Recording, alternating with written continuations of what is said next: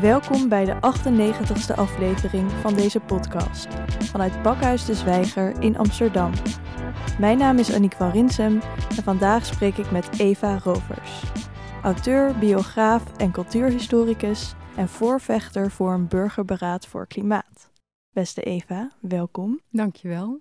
Je hebt een PhD in cultuurgeschiedenis en naast de prachtige biografieën die je schreef over Helene Kruller-Müller en Boudewijn Buug, raakt je ook doordrongen van een urgentie om je met de grote thema's van deze tijd bezig te houden, waaronder de klimaatcrisis.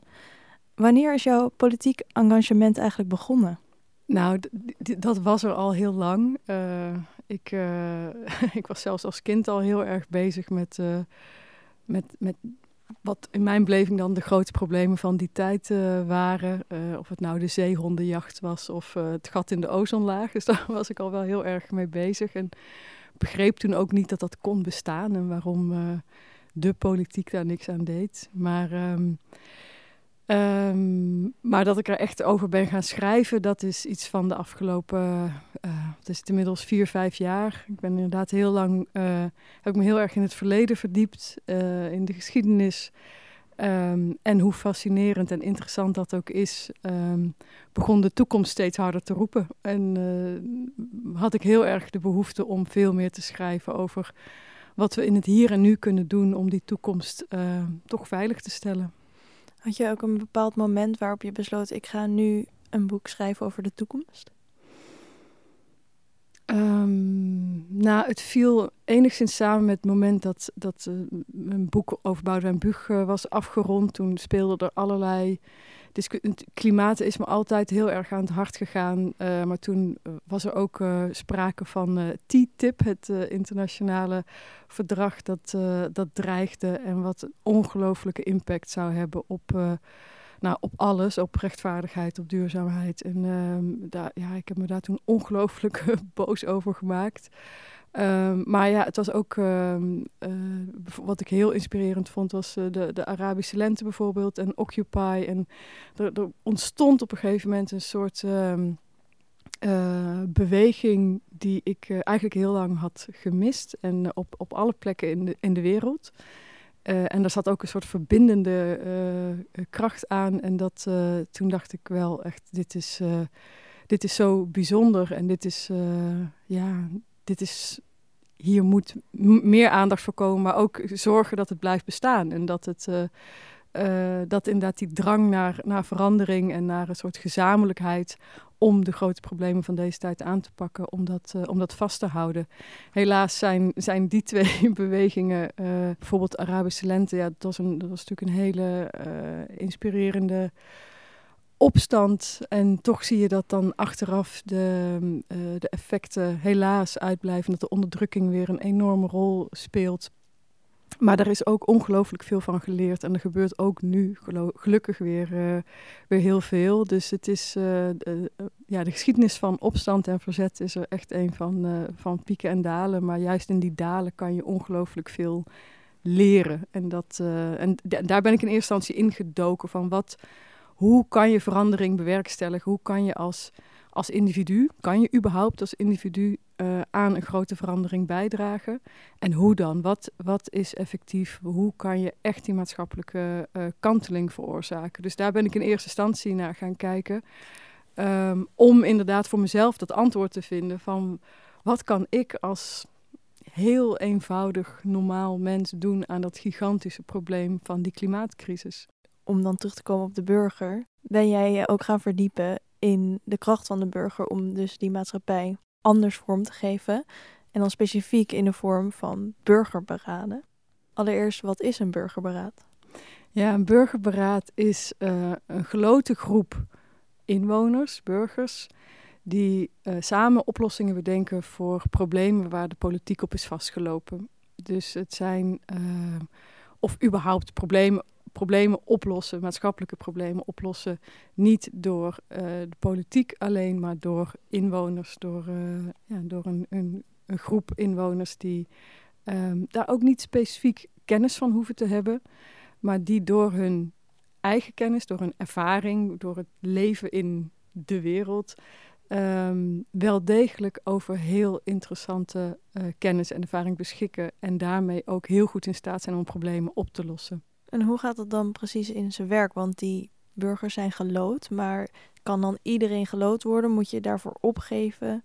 Um, hoe ja, zit dat? Ja, nou, de, de, de, loting is inderdaad heel essentieel. En dat zorgt ervoor dat je een, een, hele inclusieve groep mensen krijgt. Vaak zie je wat je nu ziet met bijvoorbeeld inspraakavonden, maar ook enquêtes. Uh, daar zit een vorm van zelfselectie in. Dus je kiest zelf of je daar naartoe gaat of dat je die enquête wel of niet invult. En dat zorgt ervoor dat, dat dat toch vaak hetzelfde soort mensen zijn. En dat is absoluut geen afspiegeling van de samenleving. Door mensen te loten krijg je wel die uh, eerlijke dwarsdoorsnede van de samenleving. En ja, iedereen kan geloot worden. Um, uh, je kan, wat, wat, wat, vaak wordt gedaan, want dit wordt al uh, toegepast uh, in het buitenland, is eerst een hele grote groep loten, bijvoorbeeld 200.000 mensen. En vervolgens daar weer een extra loting op toe passen. Dus bijvoorbeeld, um, uh, er moeten ongeveer evenveel mannen als vrouwen in zitten. Er moeten mensen uit het hele land in zitten, niet alleen uit de Randstad bijvoorbeeld. Uh, mensen met een universitaire opleiding moeten in verhouding zijn tot in de samenleving. Mensen met praktische opleiding. Uh, leeftijdsopbouw is ook belangrijk. In Frankrijk is een burgerberaad georganiseerd over het klimaat en daar deden mensen vanaf 16 jaar aan mee. Dus daarmee kan je ook al zorgen dat het inclusiever wordt, omdat nu vaak de beslissingen die uh, van heel veel invloed zijn op de jongere generatie, die worden toch grotendeels gemaakt door mensen die een heel stuk ouder zijn. Uh, maar dus door, die, die, door aan die tweede loting bepaalde um, aspecten toe te voegen, kan je, zorg je ervoor dat het, dat heet dan gestratificeerde loting, zorg je ervoor dat je dus een groep krijgt die heel goed de uh, samenleving weerspiegelt. En dus de eerste loting is compleet random en dan ja. die tweede, die vult dan op waar ja, de eerste is echt een, een totaal willekeurige loting. Um, dan is het in principe mogelijk dat je alleen maar mannen of alleen maar vrouwen zou loten. In theorie kan dat. Uh, en daarom wordt er volgens dus een gewogen loting aan toegevoegd. Dus met, en daar kan je ieder kenmerk instoppen dat je wilt. Maar daar uh, leeftijd, culturele achtergrond, geografische locatie, dat zijn dingen die vaak. Uh, en opleidingsniveau, dat wordt er vaak aan toegevoegd. Um, zodat je inderdaad die eerlijke dwarsdoorsnede krijgt. En dat niet, zoals helaas vaak het geval is bij uh, inspraakavonden, alleen de hogeropgeleide witte mannen van boven de 50 uh, zich laten horen. Die mogen absoluut meepraten, maar dat moeten niet de enige zijn die meepraten. En wat gebeurt er als iemand gelood wordt, maar die wil niet meedoen? Ja, die, je kan mensen niet dwingen. Dus het is absoluut niet zo. Als je niet mee wil doen, dan ja, het is een vrij land. Je hoeft niet mee te doen.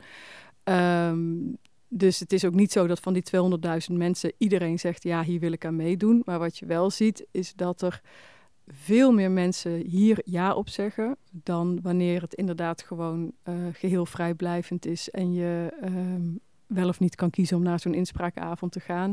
Wat wel belangrijk is, is dat, uh, dat mensen echt een goede uitnodigingsbrief krijgen. Een hele duidelijke, goed leesbare uitnodigingsbrief. Waarin ook wordt uitgelegd waarom het zo belangrijk is dat je meedoet.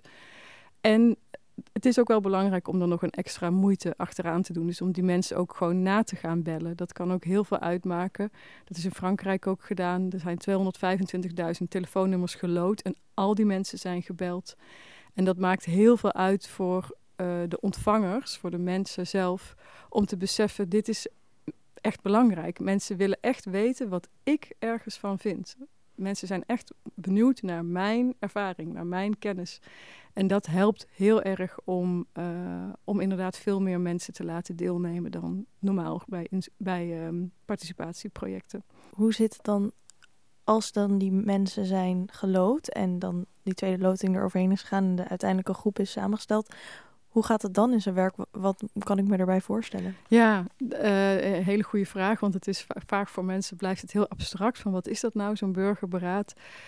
Um, uh, het is zo'n burgerberaad is het. Nou, ik ga even uit voor, voor dit voorbeeld van, van 100 geloten mensen voor de goede orde, het kunnen er ook 200, 500 zijn, maar even hè, voor een beeld. Dus je zit met een groep van 100 mensen. En die, die moeten zich buigen over een maatschappelijk probleem. Bijvoorbeeld, hoe gaan we ervoor zorgen dat Nederland klimaatneutraal wordt in 2025? Noem maar wat. Um, die mensen die krijgen eerst, uh, die gaan eigenlijk door drie fases heen. Leren, delibereren en adviseren. En die, die drie fases vormen eigenlijk de kern van uh, wat, ze, wat ze doen. In die leerfase worden ze geïnformeerd over het onderwerp vanuit alle mogelijke perspectieven.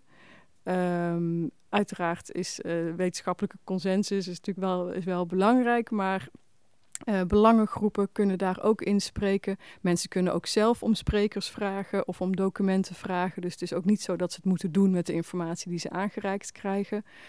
Um, en dus de, de, bedoeling is dat mensen een heel goed, gedegen, breed beeld krijgen van de problematiek. Vervolgens gaat die hele grote groep van 100 mensen, die gaat in kleinere groepen uiteen. Die gaan in groepjes van acht bijvoorbeeld aan tafeltjes zitten. En die gaan dan vervolgens met z'n achten in gesprek en op zoek naar oplossingen voor bepaalde deelproblemen. Die gaan aanbevelingen samen proberen te formuleren. Die aanbevelingen worden allemaal opgeschreven. Um, en die groepen die wisselen, dus je komt ook komt bij andere mensen, dan heb je het weer over andere onderwerpen. Dat is de deliberatiefase, dat delibereren. Um, daarin is het overigens ook heel belangrijk. Het gaat echt om het dialoog. Het gaat er niet om met elkaar heel heftig in debat te gaan of iemand van je mening te overtuigen. Het gaat heel sterk om hoe gaan we samen dit probleem oplossen? Waar liggen onze gedeelde waarden en hoe kunnen we van daaruit een, uh, een oplossing bedenken?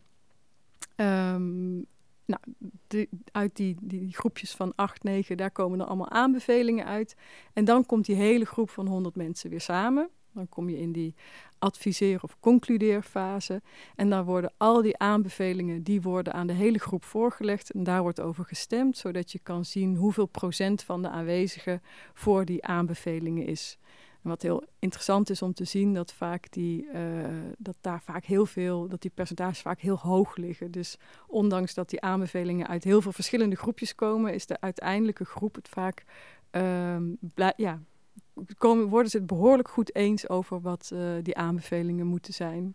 En dat heeft dus heel erg met dat, met, ja, met dat dialoog te maken. Dat het, uh, mensen gaan niet met de hakken in het zand, maar ze proberen dus echt samen te zoeken naar de beste oplossing. En want al die groepjes krijgen, neem ik aan, dan verschillende uh, aanbevelingen die ze naar voren dragen. En wordt het dan een soort stemming van welke aanbeveling is het beste? Nou, niet zozeer welke is het beste, maar wel waar is de meeste steun voor. Dus uh, uh, in, in Groot-Brittannië is bijvoorbeeld ook afgelopen jaar een burgerberaad voor het klimaat georganiseerd. Uh, en daar komt dan een rapport uit waar al die aanbevelingen in staan. En er staat ook per aanbeveling bij, bijvoorbeeld 83% van de mensen steunt dit, of 65% van de mensen steunt dit. En dat, uh, dat maakt het ook meteen heel inzichtelijk, uh, ook voor politici, om te zeggen van verrek, ja, daar zit dus een, er is veel steun voor deze maatregelen. En wat je ziet, en dat geldt niet alleen voor klimaat, maar ook voor andere onderwerpen, is in die aanbevelingen dat, uh, dat, dat gewone mensen, burgers, durven ook verder te gaan dan politici.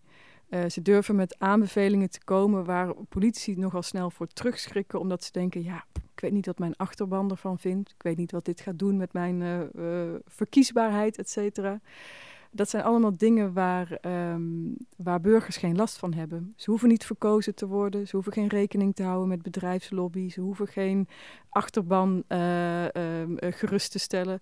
Dus ze kunnen heel erg vanuit hun, um, vanuit hun gezonde verstand, vanuit samenwerking, vanuit wat is het beste voor het land, voor het land als geheel, uh, oplossingen bedenken. En dat, dat steunt zo'n rapport met al die percentages dat, en uh, aanbevelingen met percentages. Dat steunt politici natuurlijk wel. Dat geeft een heel duidelijk uh, zicht over hoe een samenleving over bepaalde onderwerpen denkt. En dat maakt het voor politici natuurlijk ook makkelijker om die beslissingen te nemen. Omdat je dan weet, ja, dit is kennelijk hoe er in een land uh, gedacht wordt. hier is steun voor.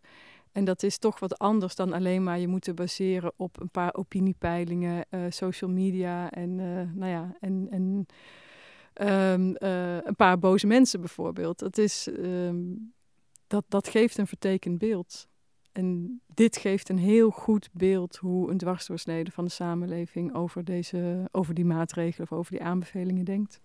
Ja, dus ten eerste geeft het een beeld over hoe de burgers naar bepaald vraagstuk kijken. Maar wat je ook noemde, is dat ze misschien ook juist met nieuwe dingen komen, omdat ze niet gebonden zijn aan die politieke partij en bepaalde belangen die ze moeten behartigen. En dus niet het risico uh, lopen dat ze niet meer nog een keer verkiesbaar worden gesteld, omdat ze te ver gaan in hun ja. toekomstdenken of zoiets. Ja, ja absoluut. En ehm, eh, het, mooie daarvan is dat er gewoon heel veel doorbraken ehm, eh, kunnen plaatsvinden. Dus vooral op onderwerpen waar de politiek gewoon niet, precies vanwege die mechanismen, niet goed uitkomt. Ehm, een, een, heel bekend voorbeeld is uh, de abortuswetgeving in het katholieke Ierland, waar uh, politiek al jaren in een totale padstelling zat, omdat nou, progressieven wilden het graag versoepelen, conservatieven waren er absoluut op tegen. Dat was echt een totaal polariserend onderwerp, zowel in de politiek als in de samenleving. En daar is vervolgens ook een burgerberaad over georganiseerd. En uh, de aanbeveling was inderdaad uh, onder bepaalde voorwaarden, of in ieder geval versoepelen. Daar is vervolgens, omdat dit over een grondwetskwestie ging in Ierland, moest er een referendum over worden georganiseerd. Dat is vervolgens ook gebeurd. Maar ook uit het referendum kwam dus een grote meerderheid die zei van ja, we moeten dit inderdaad gaan versoepelen. Nou, dat is een, een keuze die door de politiek gewoon niet gemaakt kon worden, omdat ze inderdaad veel te bang waren voor uh, uh, nou, politieke weerslag, uh, dat het zou terugvertalen in negatieve verkiezingsresultaten, maar ook dat er gewoon heel veel maatschappelijke onrust omheen zou ontstaan. En door het op, via een burgerberaad te organiseren, neem je dat eigenlijk allemaal weg. Er kwam een, een besluit uit waar de rest van de bevolking zich ook in kon vinden, omdat ze ook dat, dat burgerberaad was ook een echt, dat was niet een of ander eilandje ergens uh, van honderd mensen die toevallig over dit onderwerp gingen praten. Nee, er was heel veel informatie, zodat de rest van de bevolking ook echt mee kon gaan in al die beraadslagingen en al die informatie.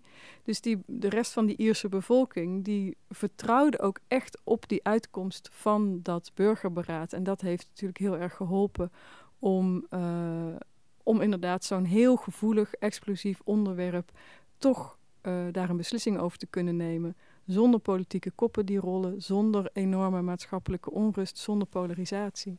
Wat is de rol voor de gevestigde politiek nog als je een burgerberaad hebt? uh, nou ja, uh, we zitten in een, uh, in een parlementaire democratie. die gaat niet zomaar afgeschaft worden.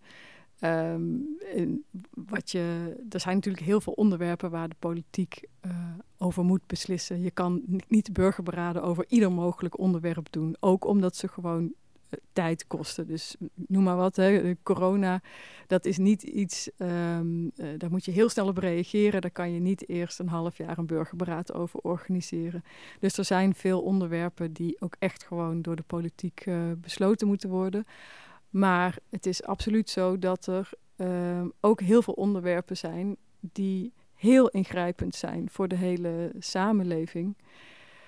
Waar mensen nu gewoon veel te weinig bij betrokken worden. En uh, we hebben het afgelopen 150 jaar een systeem gebruikt wat redelijk werkte ligt eraan welke, welke maatstaf je ernaast houdt. Maar het, het werkt redelijk. Maar je ziet dat het op dit moment gewoon echt scheuren begint te vertonen. Dat uh, mensen zich niet vertegenwoordigd voelen, mensen zich niet gehoord voelen. Dat uh, uh, de besluitvorming voor een heel groot deel door een, door een heel select groepje mensen plaatsvindt, die geen afspiegeling zijn van de samenleving.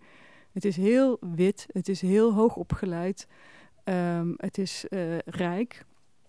En dat uh, maakt dat er gewoon echt blinde vlekken zitten in het, uh, in het beleid dat wordt ontwikkeld. Omdat er gewoon te weinig um, voeling is en input is vanuit de samenleving als geheel. En daar zijn burgerberaden essentieel voor. Want het is wel altijd de bedoeling geweest dat de politiek een representatie is van het volk. En zou het dan, zouden we dan niet juist de gevestigde politiek representatief moeten maken in plaats van een, een nieuw iets aan toe te voegen, zoals een burgerberaad? Het is en-en. Ik denk dat uh, um, het, probleem is deels die representativiteit. Dus inderdaad, het zou ongelooflijk goed zijn als uh, de Eerste en de Tweede Kamer veel meer de samenleving zouden weerspiegelen. Absoluut. Uh, maar daarnaast spelen er gewoon andere factoren. En uh, ik noemde al uh, de bedrijfslobby. Dat is iets waar politiek helaas echt mee te maken heeft. En wat heel bepalend is um, voor bepaalde beleidsaspecten. En waar wij als burgers geen enkel zicht op hebben. We weten niet wat er achter die gesloten deuren plaatsvindt. Dat is een heel ondemocratisch principe. Uh, en daarnaast die um, vierjarige verkiezingscyclus zorgt er ook voor dat hoe inclusief zo'n uh, um, Kamer ook is, die verkiezingscyclus zorgt er toch voor dat mensen die, die korte termijn vooral voor ogen blijven houden en dingen zullen beloven waarmee ze hopen weer een volgende keer gekozen te worden. En die systematiek die uh, werkt met name niet voor uh, complexe, gepolariseerde lange termijn onderwerpen. Dus daar heb je echt ook een andere, ander systeem voor nodig. En het kan, hè, ik bedoel, dit is niet een of ander utopisch idee uh, in Duitsstalig België. Dat is maar een heel klein deel van België, 80.000 inwoners. Maar daar lopen ze ontzettend uh, op de troepen vooruit. En daar hebben ze inderdaad een geheel geloten burgerkamer. Die mensen zitten voor anderhalf jaar, die worden dus gelood. En zij, in die periode dat ze zitten, uh, formuleren ze drie onderwerpen waar zij burgerberaden over uh, organiseren. En dat werkt erg goed. Dus er worden niet alleen gevraagd om voor een specifiek onderwerp mee te denken, maar het wordt zelfs aan hen gevraagd waar ze dan om over... Ja, om, om de onderwerpen waarvan zij vinden dat, uh, dat de uh, parlementaire democratie, parlementaire politiek die laat liggen. Okay. Uh, en dat is ook iets wat je. Dat, kijk, er zijn veel vormen van burgerberaden. Hè. Ik, toen ik het net even kort uitlegde, zei ik van ze moeten zich buigen over een probleem wat ze aangedragen krijgen. Maar er zijn ook absoluut vormen, en daar zou ik ook zeker voor zijn, waarbij uh, zo'n probleem vanuit de samenleving komt. Niet vanuit de politiek, maar dat de samenleving zegt: dit is een onderwerp waar we graag een burgerberaad over zouden zien. En is dat ook niet vaak wat best wel samenloopt? Dat kan, dat kan. Maar het, uh, uh, het is goed dat, dat het van alle twee de kanten kan komen. Want er zijn soms, er zijn toch ook onderwerpen waar de politiek soms. Klimaat is daar een voorbeeld van. Er wordt een enorme uh, er is een grote zorg in de samenleving over klimaat. Meer dan 75% van de Nederlanders maakt zich zorgen over klimaatverandering. Ook wat dat voor hun eigen leven betekent.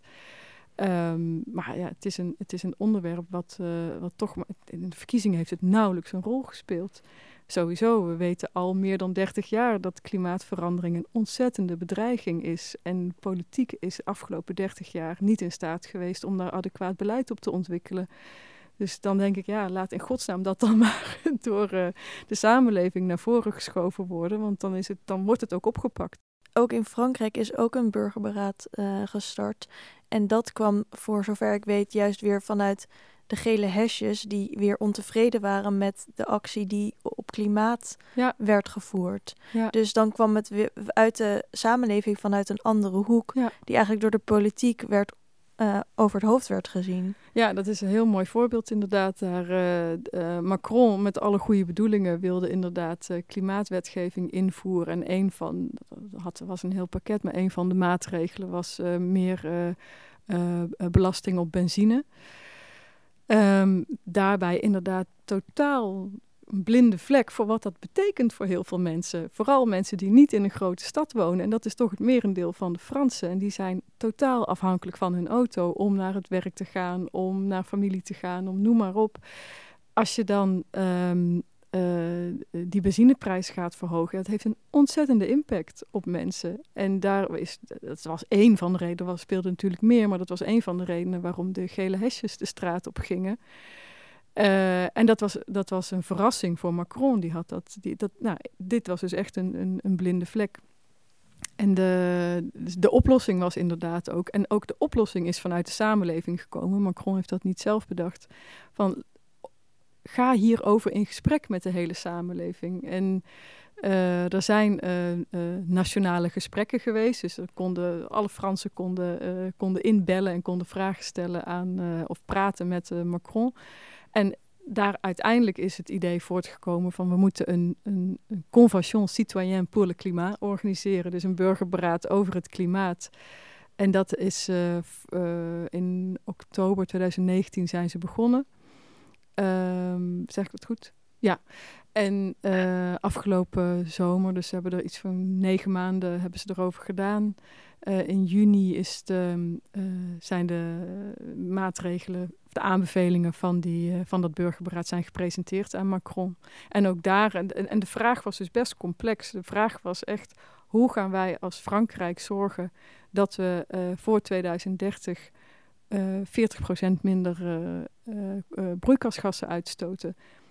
Best een complexe vraag. En, dat, ehm, en het mooie is dat uh, daar niet alleen antwoord op is gegeven, maar dat er aanbevelingen zijn geformuleerd, waardoor dat veel sneller kan. Dus dat laat ook zien dat burgers dus heel erg goed in staat zijn om voor dit soort complexe onderwerpen oplossingen te bedenken. Heb je een voorbeeld van zo'n aanbeveling die is gemaakt?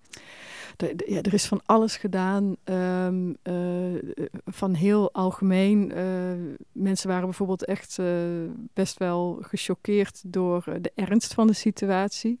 En zeiden ook, er zou veel en veel meer aandacht voor klimaatverandering moeten zijn op scholen, op alle, alle niveaus. Uh, zodat kinderen daar van jongs af aan eigenlijk zich bewust van zijn en daar dus ook uh, naar kunnen handelen. Um, dus het ging over onderwijs. Het ging bijvoorbeeld ook over um, een verbod op fossiele reclame, heel belangrijk. Uh, het ging over hele praktische dingen als um, uh, de, de, terrasverwarming of verlichting in etalages die de hele nacht maar blijft branden zonder dat iemand er iets aan heeft. belasting op vliegtickets, nou noem het allemaal maar op. Maar ook hele fundamentele dingen, bijvoorbeeld een uh, dat er in de grondwet, in, de, uh, in artikel nummer 1, een, ook de zorg voor het klimaat opgenomen zou moeten worden. Mooi zeg. Dus dat, ja, ja dus het, het, was een heel breed palet aan aanbevelingen. Een heel grappig voorbeeld, want ik kan me voorstellen dat veel mensen herkennen dat je inderdaad door de stad fietst s'avonds en nog heel veel etalages ziet branden en dat, je, dat bijna iedereen denkt nou, Waarom? kan je dat niet even uitzetten? Ja. ja, om van industrieterreinen nog maar te zwijgen. Ja, dat is echt dat, is ja. ongelooflijk. En kantoren ook soms. heel veel kantoren. En het, het, het vreet allemaal energie voor niets. Dus het, ja, het, dat klinkt allemaal soms een beetje knullig, hè? maar dit zijn toch dingen. Dit zijn nou inderdaad dingen waar, waar inwoners zich druk over maken en waarvan ze denken hoe moeilijk kan het zijn om dit gewoon even uh, uh, aan te pakken en hoeveel energie kan je daarmee besparen. Niemand gaat erop achteruit. Uh, maar wat, ja, daar heb je dus blijkbaar gewoon de, de, de common sense en de, de wijsheid van de bevolking voor nodig om dat aan de politiek duidelijk te maken. Ja, ook omdat de politiek misschien weer met andere hoogdravende dingen bezig is en het dan daar niet meer aan denkt of zoiets. Dan spelen andere belangen. Ja. ja. Even terug naar Duitsstalig België. Want daar is het uh, burgerberaad ook in de wetgeving vastgelegd, toch? Ja. Hoe zit dat? Hoe zit dat? Ja, ze hebben daar echt een, uh, um, uh, een burgerraad Het, is echt het eerste land ter wereld die dat, uh, die dat op, of land, de eerste um, deelstaat. zelfstandige entiteit, ja, deelstaat die dat bij wet geregeld heeft. Ze hebben dus wel een, een zelfstandig bestuur. Hè. Dus Duitsstalig België heeft een eigen um, parlement. Maar juist omdat het zo klein is, durven ze misschien ook wat meer te experimenteren. Er was al ervaring opgedaan met, um, uh, met deliberatieve democratie, met, met burgerberaden. Dat dat gewoon goed werkt, dat daar goede oplossingen uitkomen. Dat het mensen ook veel meer betrekt bij politieke uh, besluiten, bij maatschappelijke problemen. dat het vertrouwen tussen politiek en burgers groter wordt. Nou, dat, dat zorgde er wel voor dat die politiek dacht van ja, dit is gewoon heel waardevol.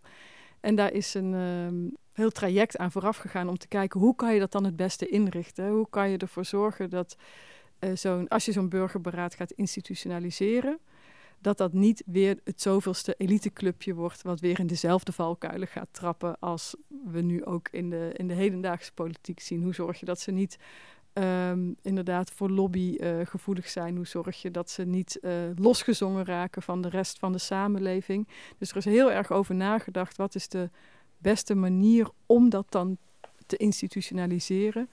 En de vorm die uiteindelijk daaruit gekozen is, is, uh, is tweeledig. Dus aan de ene kant een, die, die geloten senaat van, moet ik het even goed zeggen, ik geloof 125 mensen.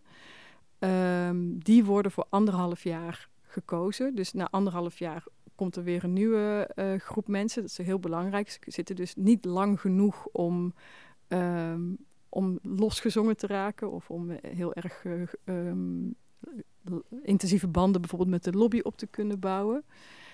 Dus die mensen zitten er voor anderhalf jaar en zij bedenken zelf de onderwerpen uh, waarvan ze zeggen daar moet een burgerberaad over georganiseerd worden.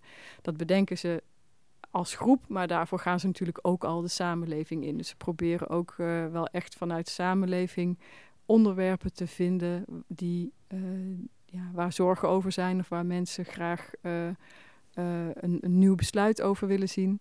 En over die onderwerpen worden dan burgerberaden georganiseerd. Het eerste onderwerp dat ze opgepakt hebben. En dit was dus nog voor uh, corona uitbrak, maar was de zorg. Zorg voor de zorg. Dus zorgen dat zorgmedewerkers um, op een gezonde manier hun beroep kunnen uitoefenen. Zonder alle druk, zonder alle uh, uh, buitensporige administratie, et cetera. Dus hoe gaan we de zorg op een zorgzame manier inrichten? Dat was eigenlijk de vraag. En dat, is, ja, dus dat zijn onderwerpen die dus in de samenleving spelen en die niet genoeg door de politiek werden opgepakt. Ja, dat is heel erg mooi en ook herkenbaar dat de samenleving ook in Nederland al jaren eigenlijk het over de zorg heeft en over het onderwijs ook bijvoorbeeld. En dat je ook ziet in zo'n crisissituatie dat dat in ieder geval twee hele grote domeinen zijn die super hard nodig zijn en waar het nu echt zware armoede is als het gaat om zorg voor, het, voor de, ook docenten en zorgmedewerkers. En als misschien een burgerberaad was geweest was de urgentie van dat onderwerp misschien eerder in op de, kaart gekomen. Op de kaart gekomen. Of misschien, het was al op de kaart natuurlijk. Uiteraard, er is natuurlijk aandacht eh, voor onderwijs. Maar het is ook niet voor niks dat er uh, voor corona uitbrak. Uh, dat er ongelooflijk veel protesten zijn geweest. Juist vanuit de onderwijssector en vanuit de zorgsector. Um, dat waren natuurlijk al enorme waarschuwingssignalen dat er echt dingen structureel, fundamenteel fout zaten. Ik bedoel, Nederland is geen was geen demonstratieland, maar um, je zag echt vanaf 2019 dat, er, uh, dat dit soort sectoren, die eigenlijk zelden de straat op gaan, heel erg van zich lieten horen, omdat het water ze gewoon aan de lippen stond. En we zitten in een systeem wat heel erg uh, bepaald wordt door marktwerking. En dat heeft met name zorg en onderwijs ontzettend uitgehold. En ik kan me heel goed voorstellen als we naast de uh, parlementaire democratie uh, burgerberaden hadden gehad, dat dit onderwerpen waren geweest die op een heel andere manier waren aangepakt. Omdat er zijn maar weinig. Uh, kijk, dan in die burgerberaden zitten ook mensen die ofwel zelf in het onderwijs werken, of mensen kennen die in het onderwijs werken, of in de zorg. En dat brengt een andere kennis en een andere ervaring met zich mee dan wanneer je dat puur vanuit een beleidsmatig uh, oogpunt beschouwt. En op papier kan marktwerking een heel goed idee zijn. In de praktijk is het dat over het algemeen niet. Ja, en, maar waarom is er niet genoeg geluisterd dan naar de, naar de burgers als het gaat om uh, onderwijs en zorg? En wat is er misgegaan? Omdat we uh, uiteindelijk in het systeem waarin we zitten, je het het voor burgers heel erg moeilijk is om onderwerpen te agenderen. Uh, ja, je moet dus dan inderdaad de straat op gaan. Je moet gaan demonstreren, je moet gaan staken. Maar er is gedemonstreerd, er is gestaakt en is, alsnog is en er niks veranderd. is het inderdaad ongelooflijk lastig. Dus het is, het is bijna onmogelijk. Het is, ik bedoel, ik ik voer zelf actie. Ik weet hoe ontzettend moeilijk het is om op die manier iets op de politieke agenda te krijgen. Dus dat vraagt heel veel van mensen. En het is bijna, je mag het bijna niet vragen om zoveel moeite te moeten doen voor onderwerpen die zo belangrijk zijn. Uh, dus er zouden, um, en, dan moet je dus inderdaad maar hopen dat er politici zijn, parlementsleden die dat onderwerp willen oppakken, die dat eh, op die manier ook op de agenda krijgen, is één. Maar het vervolgens er nog een, uh, een besluit over laten maken en het op zo'n manier uitvoering geven dat het ook past bij, bij de wensen of de zorgen die leven in de samenleving, is nog een tweede. Um, je kan... waarom wordt er niet waarom wordt het nou ja, dat, sorry, ja, ik maak een beetje een lange omweg. Dat, dus je moet heel veel moeite doen om het op de agenda te krijgen. Dan is het dus nog maar de vraag, als het op die agenda staat, of er ook mee wordt gedaan wat jij zou willen dat er mee wordt gedaan. En dat komt dus door inderdaad dat systeem van die representatieve democratie. Dus je, je kan dat niet als burger zelf op die agenda krijgen. Je kan dat niet zelf over meebeslissen. Dat moet je maar hopen dat jouw volksvertegenwoordigers dat gaan doen. En dat is waarom, dus heel, waarom het zo moeilijk is om dat op de agenda te krijgen. Omdat je afhankelijk bent van volksvertegenwoordigers. Je kan het niet zelf doen. Voor, voor dat probleem werken burgerberaden natuurlijk ook gewoon heel erg goed. Dat zorgt namelijk dat mensen wel kunnen meepraten en wel kunnen meebeslissen. En dat maakt die volksvertegenwoordigers niet overbodig, maar het zorgt wel dat mensen, um, uh, dat die volksvertegenwoordigers de goede voeding krijgen, dus vanuit zo'n burgerberaad. En dat mensen, de bevolking zelf, ook echt kan meepraten en kan meebeslissen. En dat ze dus niet met heel veel pijn en moeite iets op een agenda moeten krijgen. Nee, ze kunnen echt actief meepraten en meebeslissen over onderwerpen. En hoe zorgen we ervoor dan, als we dan zo'n burgerberaad hebben, dat er dan wel naar de adviezen van dat burgerberaad worden geluisterd? Er zijn hele mooie voorbeelden. Frankrijk was goed georganiseerd. Het was een, uh, een uh, qua proces was dat heel goed, is goed over nagedacht. Uitkomsten waren heel goed, waren heel haalbaar en tegelijkertijd uh, toereikend. Maar dan krijg je inderdaad het probleem van hoe zorg je dat het wordt toegepast. Dus uh, waar veel meer aandacht voor zou moeten komen, is inderdaad de, uh, het mandaat van tevoren. Dus wat is het mandaat dat zo'n burgerberaad krijgt om aanbevelingen te doen?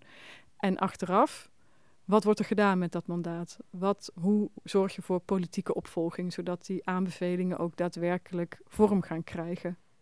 Het kan op een aantal manieren. Je kan bijvoorbeeld zeggen, we gaan aanbevelingen die uh, eh, 75% steun hebben van een burgerberaad, uh, die gaan we sowieso uh, overnemen.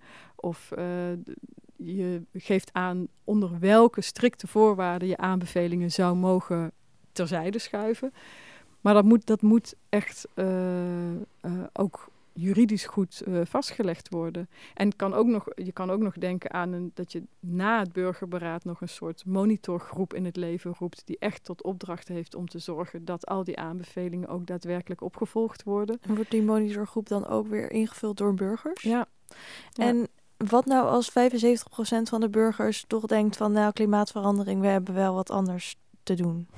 in de zin van we doen niet mee of uh, we gaan hier geen. Uh... Als in de, dat het burgerberaad eruit komt van nou, we willen liever investeren in nieuwe mooie flats. Ja, ja dat is dan de keuze. Ja, dat, dat, ja. Is, is het niet een te groot risico om dit soort beslissingen bij de burger te laten? Ja, dat zou je zeggen. Uh, dat wordt inderdaad vaak gevraagd. Uh, van ja, je, mensen zijn toch alleen maar bezig met hun eigen belang. Of ze weten er toch niet genoeg van.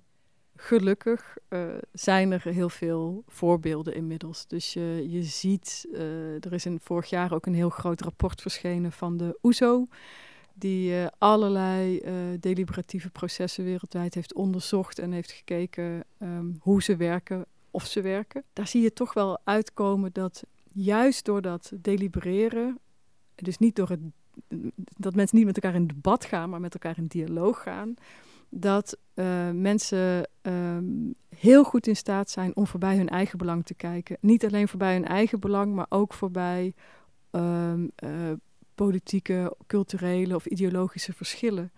Het uh, algemeen belang is leidend. En als het specifiek gaat over klimaat, eigenlijk alle burgerberaden die over, deze over dat onderwerp zijn gegaan, zie je dat de deelnemers zich eigenlijk vooral kapot schrikken over de ernst van de situatie.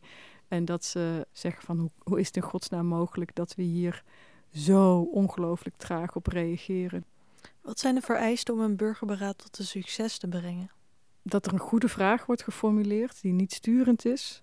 Dat er inderdaad hele uh, behapbare. En wie, wie formuleert die vraag? Ja, dat, dat, nou, dat, is, dat is al één ding. Je kan, uh, je kan die vraag uh, bijvoorbeeld als politieke opdrachtgever formuleren. Verstandiger is het om uh, ook daar weer een, een expertgroep voor in het leven te roepen van mensen die over het onderwerp veel weten. mensen die ook over deliberatieve democratie het een en ander weten. Die kunnen namelijk heel goed beoordelen of zo'n vraag um, haalbaar is. Ook of die niet te sturend is, of, die, of het uh, past binnen de tijd en het geld dat er beschikbaar is. Dus dat zijn allemaal wel belangrijke dingen.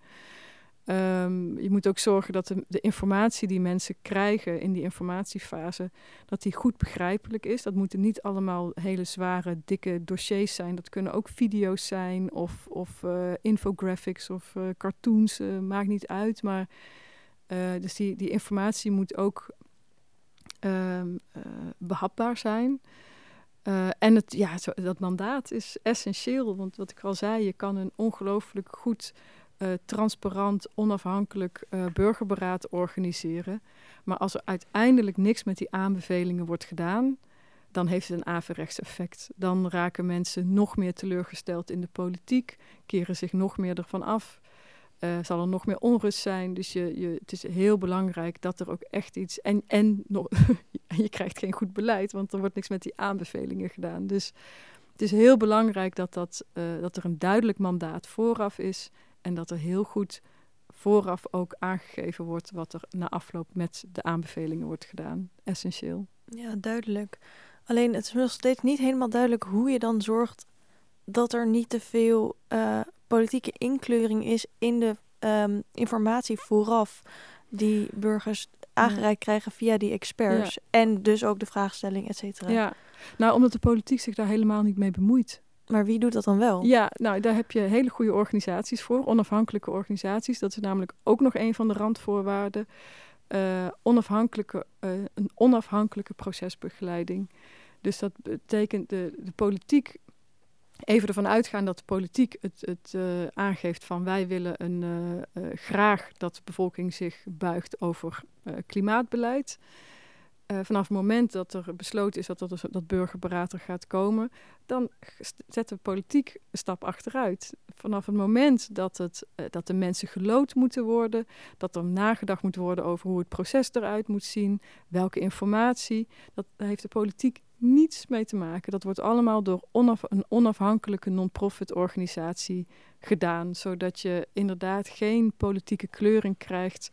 Um, en die organisaties die, die bestaan al, die zijn er. Uh, ik hoop dat er uh, ook nog meer komen, want ik hoop gewoon dat er veel burgerberaden georganiseerd gaan worden. Uh, en die, zo'n onafhankelijke partij is heel belangrijk om het in goede banen te leiden, maar ook om de geloofwaardigheid van zo'n burgerberaad hoog te houden. Want je wil uh, inderdaad niet gedurende het proces of achteraf de kritiek krijgen van ja, maar goed, die informatie die mensen gekregen hebben, dat is allemaal doorgesluist door de politiek of door bedrijfsleven of door belangengroepen. Nee, dus dat moet op een onafhankelijke manier gedaan worden. Maar nogmaals, die informatievoorziening, die is voor een deel ook echt, wordt die gevormd door de deelnemers zelf. Dus de deelnemers aan een burgerberaad hebben alle vrijheid om te zeggen, maar ik wil ook met die expert praten. Of ik wil ook uh, wat informatie. Bijvoorbeeld in Frankrijk was er een deelnemer en die zei van ja, die hele klimaatverandering, ik geloof daar eigenlijk helemaal niet in. En ik wil graag ook een klimaatskeptische wetenschapper horen. Prima. Dus die heeft daar ook zijn verhaal kunnen houden. Dus het is niet zo dat je uh, bepaalde wetenschappers buitenhoudt, bepaalde experts buitenhoudt. Maar, de, uh, zeg maar de, de, de globale informatievoorziening die moet echt op een onafhankelijke manier uh, verzorgd worden. Duidelijk. En wat zijn de praktische vereisten die er nodig zijn om dit allemaal op touw te zetten? Tijd is belangrijk omdat je moet dit niet overhaasten. Dus mensen moeten echt de tijd hebben om zich goed te kunnen informeren, om op een goede manier met elkaar in gesprek te gaan. Niet een keer een zaterdagmiddag, maar gewoon echt een aantal weekenden. Dat is echt belangrijk. Um, en ook om die aanbevelingen te kunnen formuleren, daar moet je echt tijd voor hebben. En dat kost geld. Als je het hebt over een landelijk of een nationaal burgerberaad, dan betekent dat dat je mensen uit het hele land een aantal weekenden naar een bepaalde plek in Nederland moet zien te krijgen. Dus er gaat reiskosten, verblijfkosten, dat soort dingen Is er ook een vergoeding voor het meedoen aan een burgerberaad? Ja, omdat het ook voor heel veel mensen een drempel is om mee te doen. Omdat ze bijvoorbeeld een halve dag vrij moeten nemen. Of omdat ze kinderen oppas moeten regelen. Of omdat ze zorgtaken hebben. Dus het is heel belangrijk dat er ook uh, budget beschikbaar is om dat soort kosten te dekken. Ja. GroenLinks, D66, CDA, Partij voor de Dieren, Code Oranje en Bijeen hebben al een idee van een burgerberaad opgenomen in hun verkiezingsprogramma. Hoe kijk je daar tegenaan? Dat is een goede eerste stap. Ik zou het heel mooi vinden als het burgerberaad ook een onderdeel wordt uh, in het regeerakkoord. Dus dat uh, daarmee ook echt erkend wordt, ja, we moeten uh, de bevolking op een veel actievere manier betrekken bij besluitvorming. omdat dat gewoon beter beleid oplevert en omdat er gewoon heel veel kennis en ervaring in de samenleving zit. Dus dat zou heel mooi zijn.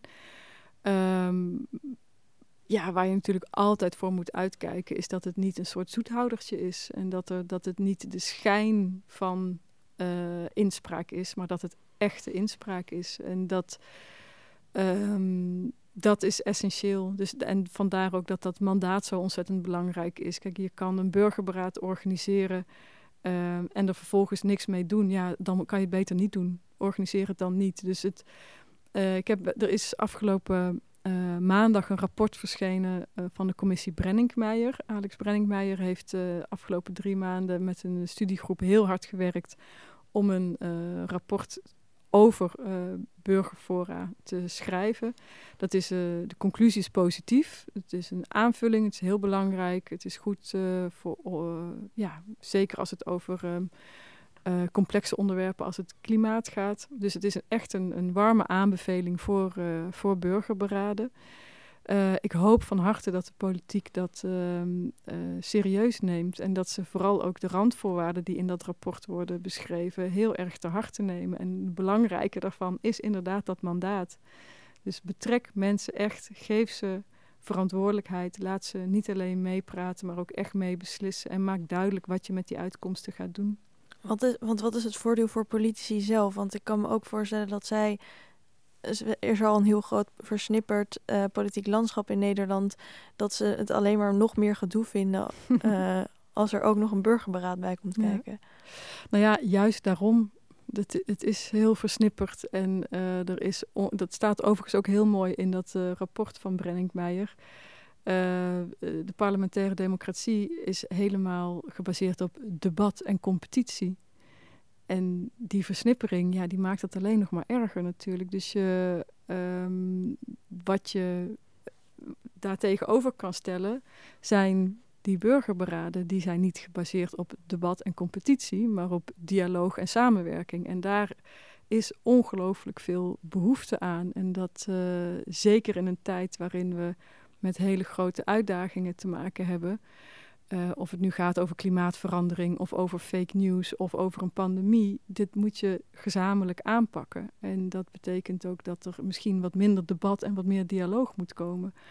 Bovendien um, geven die uitkomsten van een burgerberaad een veel beter beeld op wat er leeft in de samenleving. Dus het zorgt ook dat politici gewoon betere politici kunnen zijn, omdat ze uh, de geïnformeerde mening van mensen krijgen.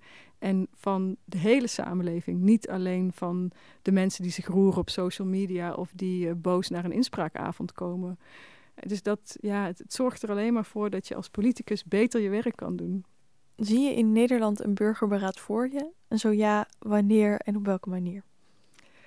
Uh, ja, ik zie absoluut een burgerberaad uh, voor me. Ik zou uh, zeggen dat echt dit jaar nog gewoon begonnen moet worden met een burgerberaad klimaat en milieu. Dat is ontzettend urgent en daar moet je gewoon echt dit jaar al mee beginnen. En ik denk, ja, gezien de hoeveelheid partijen die dit ook in hun verkiezingsprogramma hebben staan, denk ik dat die kans ook wel groot is.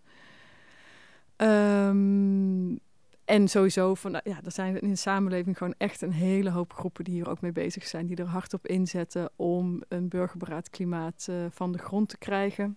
Ik zou ook zeggen, kijk vooral even op de website burgerberaadklimaat.nu. Kan je petitie tekenen. Dus dat is heel belangrijk. Maar ja, de allerbelangrijkste voorwaarde daarvoor is dat politici burgers echt gaan vertrouwen. Dat is echt essentieel. Um, ik begrijp heel goed dat politici vaak geconfronteerd worden, misschien met boze burgers.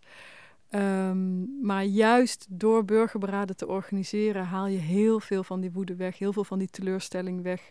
Omdat je mensen serieus neemt, omdat je mensen verantwoordelijkheid geeft.